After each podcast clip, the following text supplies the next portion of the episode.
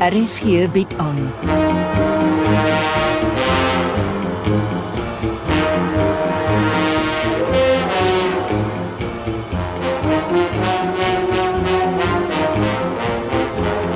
Agendas deur Jo Kleinhans.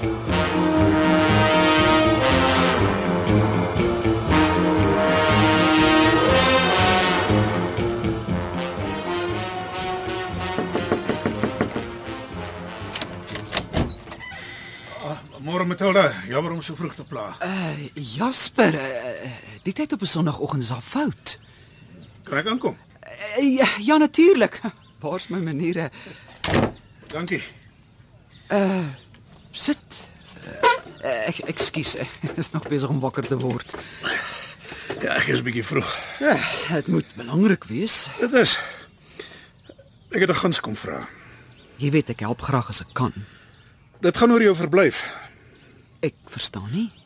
Debbie Libbe het jou uitgesmy uit haar gastehuis omdat sy bang was jy raak in 'n hofgeding betrokke. Maar die wonderlike nuus is daar gaan nie 'n hofgeding wees nie. Die polisie weet ek in die Brieskool geskiet nie. Ek weet van die selfoonopname. O, My kontak in die polisie. Neil Veldsmann sit agter die skietery. Ja, maar ek weet nie of die polisie hom kan vastrek nie. Die gesig van die skieter is nie duidelik in die selfoonopname. Maar gelukkig dink niemand meer dis ek nie. Beslis nie. En of Veldsmann dit wil weet of nie, die polisie het hom weer aan hulle versuur. Man is 'n verskriklike mens. Hy is. Ek wil jou mooi vra om terug te trek na Debbie se gastehuis. Hoe nou? Dis belangrik dat jy terugtrek. Die vrou het my as ware weggejaag. Ons ons praat skaars met mekaar. Ek, ek weet dis vernederend, maar ons het albei kinders wat vermoor is, asseblief. En die moordenaars is nog nie agter slot en grendel nie. Ek dink nie dis moordenaars nie, Matilda. Ek dink ons praat van 'n moordenaar. Wat weet jy wat ek nie weet nie? Jy mag nie 'n woord aan iemand rep oor wat ek jou vertel nie. Jy moet my dit beloof. Natuurlik, ek ek praat nooit uit nie. Jolandi en Werner is met een en dieselfde pistool geskiet. Twee moorde, een wapen. Jasper? Dis 'n mond vol, maar dis bevestig. Die moordwapen is nie in Suid-Afrika geregistreer nie. Dis waarskynlik van buite die landsgrense ingebring. Nou is my kop dom. Neil Veldsmann weet van Werner. Jolandi en Werner het saamgewerk. En glo my, Neil weet sy het vir my laptop gevat. Jy's reg. Maar ek moet erken, ek vertrou ook nie vir Debbie Libbe nie. Omdat sy Werner se erfgenaam is. Onder andere, my gut feel sê vir my daar is iets tussen haar en Veldsmann. Soos wat? Neil Veldsmann het die pistool in jou kamer geplant. Nêrens is iets oopgebreek nie. As jy my vra, het die man 'n sleutel of vrye toegang tot die Harida gastehuis gehad. Wat Debbie vir hom gegee of gereël het. Dieselfde aand wat die pistool geplant is, slaap Debbie toevallig nie daar nie. Nou, ek glo nie aan toeval nie. En jy dink dit sal help as ons uh, nader aan haar leef, haar onder oë hou. Ja. En daarom is dit belangrik dat jy terugtrek soontoe. Dit gee my ook 'n verskoning om haar te kom.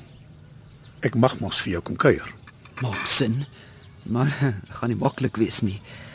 Uh, nou goed, ek uh, ek ry vanmôre nog oor. Hoed in die hand. Ek kan die minste wees as ek moet. Ja, hierdie keer moet jy, Matilda. En jy sal moet leer om hier en daar te begin rondkrap. Ek beloof jou, die polisie sukkel met die ding van twee moorde meer as 'n jaar uitmekaar met dieselfde pistool.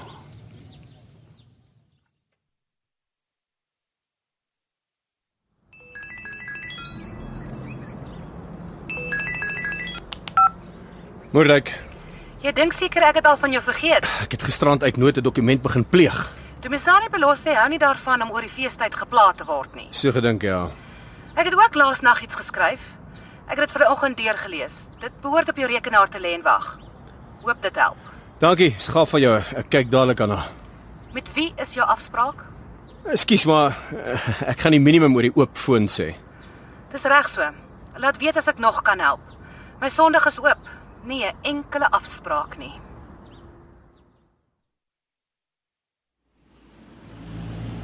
Debbie, mm. wat soek jy hier? Jy weet Sandra, jy slaap snags by Matilda van Wyk oor. Nie vir jou stuitig hou nie. Nog nie 7uur in die oggend nie en jy sluip by haar gastehuis uit. Agtervolg jy my. Ah, ah Jasper. Ek het toevallig hier verbygery en jou spoggerige 4x4 by te sien staan. Ek glo nie aan toeval nie. Dis ongelukkig soos dit vanoggend is. Toeval. Verskoon my, ek is haastig. O, oh, ek is bly ek sien jou. My vriend stel baie belang in julle transaksie. Bietjie teleurgesteld in jou prysverhoging. Ek het jou gesê vat dit of los dit. Hier is die deal.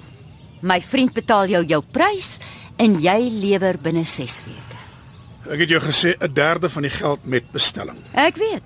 Dollars in 'n buitelandse rekening. Dis nie 'n probleem nie. Stuur vir my jou bankbesonderhede. die geld sal deur die loop van die week inbetaal word.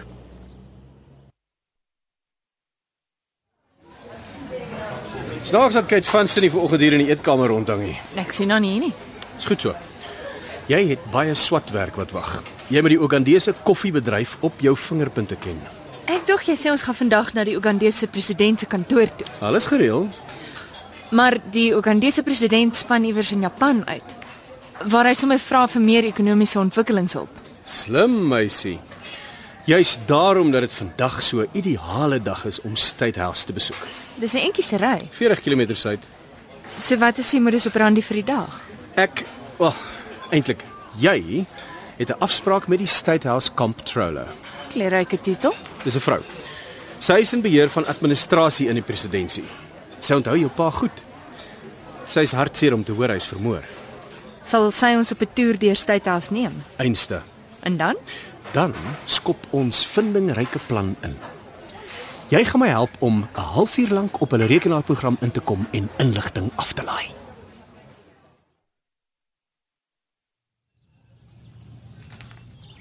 Matilda, kan ek help? Uh, het jy iets vergeet? Dit lyk besig hier.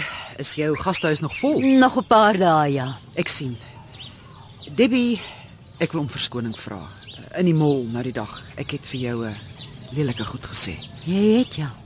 Ek is jammer. Ek wil nie ongeskik klink nie, maar ek moet middagete gaan voorberei. Die nuwe gastehuis, wel 'n soms moet jy eers iets verloor voor jy besef hoe eh, hoe goed dit was wat jy gehad het. Ek ek mis jou gastehuis. Ek dog ons het die saak deurgepraat. Ek het jou gesê daar gaan nie meer 'n hofsaak wees nie. O oh, ja, die selfoonopname van die skietinsident. Die polisie weet nie hoe Veldsmann lieg. E, O, hoorie, kan ek jou bel? Ek, ek wil graag nog 'n maand of 2 hier bly. Ek beloof jou jy sal nie eers weet van my nie. Dalk gaan van die toergroeplede langer bly so. Uh, ek sal kyk wat ek kan doen. Ek bel jou. Nou moet jy my asseblief verskoon.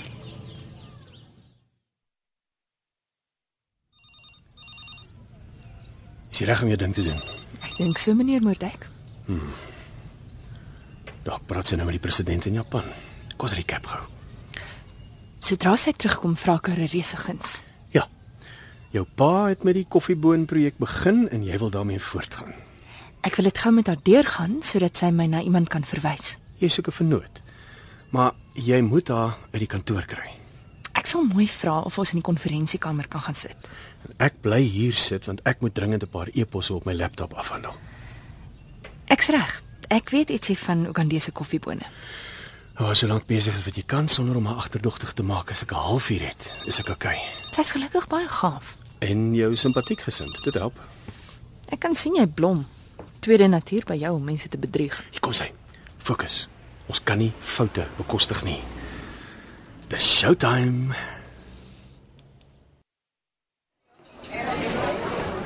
Jy mors my dag op, Jasper. Wat ek te sê het, kan nie wag tot môre nie. Wat is so dringend Dit lek vanuit Belosse se kantoor. wat jy nie by my gehoor het nie? Ja, want ek cover jou al die pad en hou jou naam uit die storie uit. Dis die regte ding om te doen. Vir jou ja. Ek hoor Belosse het 'n verslag oor my by intelligensie aangedien. Natuurlik moet hy dit rapporteer. Anders lyk hy skuldig. Dit gaan nie oor my paar ekstra sente kommissie nie. Vanwaar ek sit, lyk dit nogal so. Dit gaan oor 10 miljoen dollar meer vir ekonomiese ontwikkeling. Ek en jy weet die Amerikaners wil inkom op die projek en al wat ek sê is laat hulle meer geld hoes voor Belos sê ja sê. Klink na 'n edel verduideliking vir korrupsie. Hoekom vertel jy dit vir my? Magtig Ingrid, kom ons los hier verneukspelletjies. Ek weet die African Research Foundation is 'n intelligensieprojek en jy bedryf dit. En daarom sê ek jou, druk die Amerikaners vir 'n prys voor jy hulle aan boord laat kom. Ons twee moet vinnig tot 'n verstandhouding kom. Ek gaan nie my loopbaan opoffer vir 'n ou man met 'n los mond nie. Dink net vir 10 minute buite die boks. Ek het meer kontakte as wat jy ooit in jou hele intelligensieloopbaan sal hê. Ek kan vir jou kantore in Suid-Afrika, in Afrika en sekere dele van die wêreld oopmaak. Teen watter prys? sal jou nie 'n sent kos nie. Die een hand was die ander. Ek praat van konstruktiewe planne waarby ons land, ons kontinent kan baat vind. 30 miljoen is baie beter as 20 miljoen. Jy moes nooit vir belossie geld aangebied het nie. Gaan sien jou baas.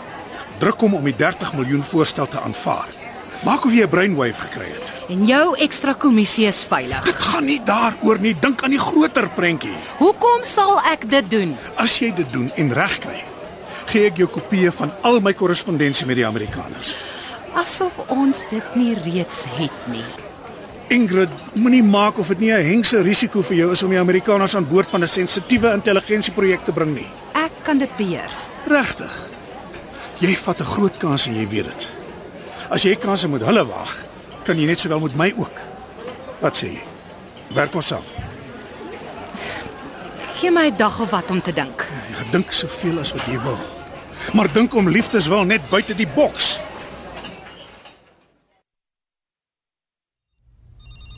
Meyer Moerdijk, ons het probleme. Ek het nog 5 minute nodig. Kyk, Vinston is hier. Wat?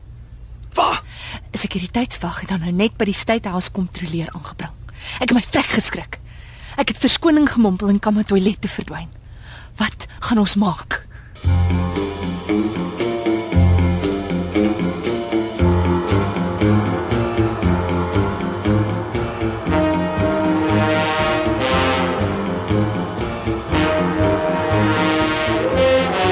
Agendas word geskryf deur Joe Kleins.